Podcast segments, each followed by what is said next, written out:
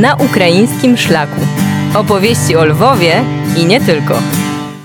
W ostatnim podcaście odwiedziliśmy Lwów i jadąc z Lwowa na zachód, na trasie na Tarnopol są winniki, a winniki słyną również z tego, że zanim dojdziemy do samego miasta i do naszych zabytków, na tej trasie jest jezioro, które kiedyś było nazywane konsomolskim albo po prostu winnikowskim i tam lwowianie w upalne dni szukali ochłody, bo w samym Lwowie jezior jako takich nie ma. E, dokładnie tak. W, z, z kąpelą w Lwowie jest trochę ciężko, można pójść do basenu, ale wcześniej ludzie kąpali się w tym jeziorze, a można zrobić to teraz, ale teraz już za grube pieniądze, niestety. E, no cóż, e, jesteśmy w Wynikach, to jest miasteczko podlwowskie w kierunku wschodnim, jak jechać z Lwowa i w tym miasteczku mm, są co najmniej dwa zabytki, o których warto powiedzieć. I pierwszy to jest oczywiście kościół w niebowzięcie Najświętszej Maryi Panny. Ten kościół z, była najpierw fundacja. Fundacja w 1738 roku, fundacja Marianny Tarlowej, która ufundowała ten kościół dlatego, żeby było miejsce przychowywania cudownego obrazu Matki Boskiej Częstochowskiej, zwanej tu Winicką. Mm, no, ale minęło e, dużo lat przed, e, przed tym, jak akurat ta fundacja została zrealizowana. W 1750 roku wyniki kupił biskup e, lwowski Samuel Głowiński. I z, minęło jeszcze 6 lat i on uposażył nią kolegium PR-ów w Lwowie. A w 1766 roku w wynikach została erygowana przez arcybiskupa lwowskiego Wacława Hieronima Sierakowskiego parafia rzymskokatolicka, którą prowadzili piarzy. I co jest jednym z najważniejszych, że architektem tego kościoła był słynny Bernard Merytyn, o którym my już mówiliśmy w opowiadaniu o mieście Horodenka. Co ciekawe, że e, ojcowie piarzy nie e, przebywali długo w winnikach, a mianowicie można powiedzieć, że cieszyli się e, przebywaniem tam 18 lat, bo w 1784 roku w wyniku reform józefińskich cesarza Austrii Józefa II władze austriackie zlikwidowali kolegium PR-ów. On e, akurat znajduje się w Lwowie i tam teraz jest e, szpital w, tych, e, w tym gmachu po PR-skim. No a posiadłość PR-ów w wynikach włączono do dóbr skarbowych, a parafię przyjęło duchowieństwo diecezjalne. No, trzeba powiedzieć, że bardzo ciekawym też zabytkiem tego kościoła jest, e, jest to, że na sklepieniach e, są malowidła z końca XVIII wieku. One zostały przemalowane w 1912 roku, a po II wojnie światowej uszkodzone i częściowo odrestaurowane po 1990 drugim roku.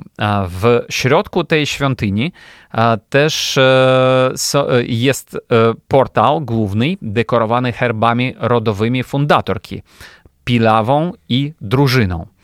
Oryginalny obraz, co ciekawe, oryginalny obraz Matki Bożej Winickiej znajduje się dzisiaj w miejscowej cerkwi, a w ołtarzu głównym kościoła jest jego kopia. A trzeba też powiedzieć, że e, ten kościół e, był e, Ostatnim proboszczem tego kościoła był ksiądz Włodzimierz Pelc do 8 maja 1946 roku, po czym świątynia została zamieniona w magazyn. I tak trwało aż po 1992 rok, kiedy władze niepodległej Ukrainy zwrócili kościół wiernym. No i e, tam odbyła się też e, jedna z ważnych e, i tam odbyło się coś też ważnego.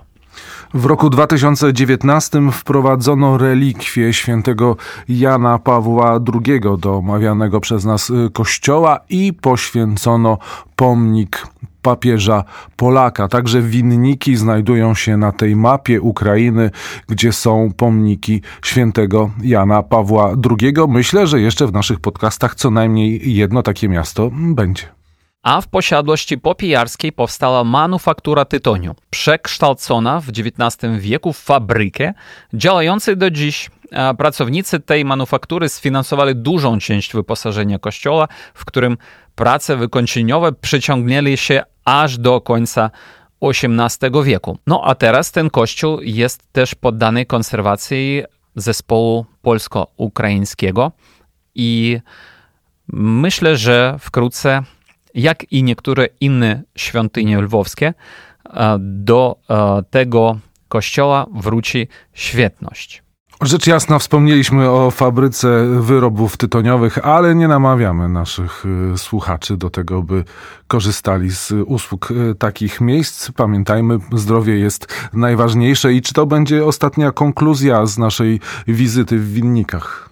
Myślę, że tak i dalej my będziemy rozmawiali o małej e, miejscowości, która nazywa się Husaków i znajduje się też w lwowskim obwodzie, tylko już bliżej do granicy z Polską. Oprócz tego w wynikach warto zwiedzić miejscowy cmentarz, gdzie są bardzo ciekawe nagrobki. Znajdują się tam nagrobki obrońców Lwowa z roku 18, strzelców siczowych i też bliskie twojemu sercu nagrobki z okresu z 1920 roku. Dokładnie tak. Tam jest e, obelisk, chociaż uszkodzony w czasach sowieckich, ale obelisk poświęcony żołnierzom, które oddali swoje życie w obronie Lwowa przed bolszewikami w latem 1920 roku. Oprócz tego jeszcze blisko od tego obelisku znajduje się bardzo ciekawy nagrobek w kształcie pocisku. I e, to jest e, nagrobek z pierwszej wojny światowej. Jest również y, grup y, polskiego policjanta z września 1939 roku,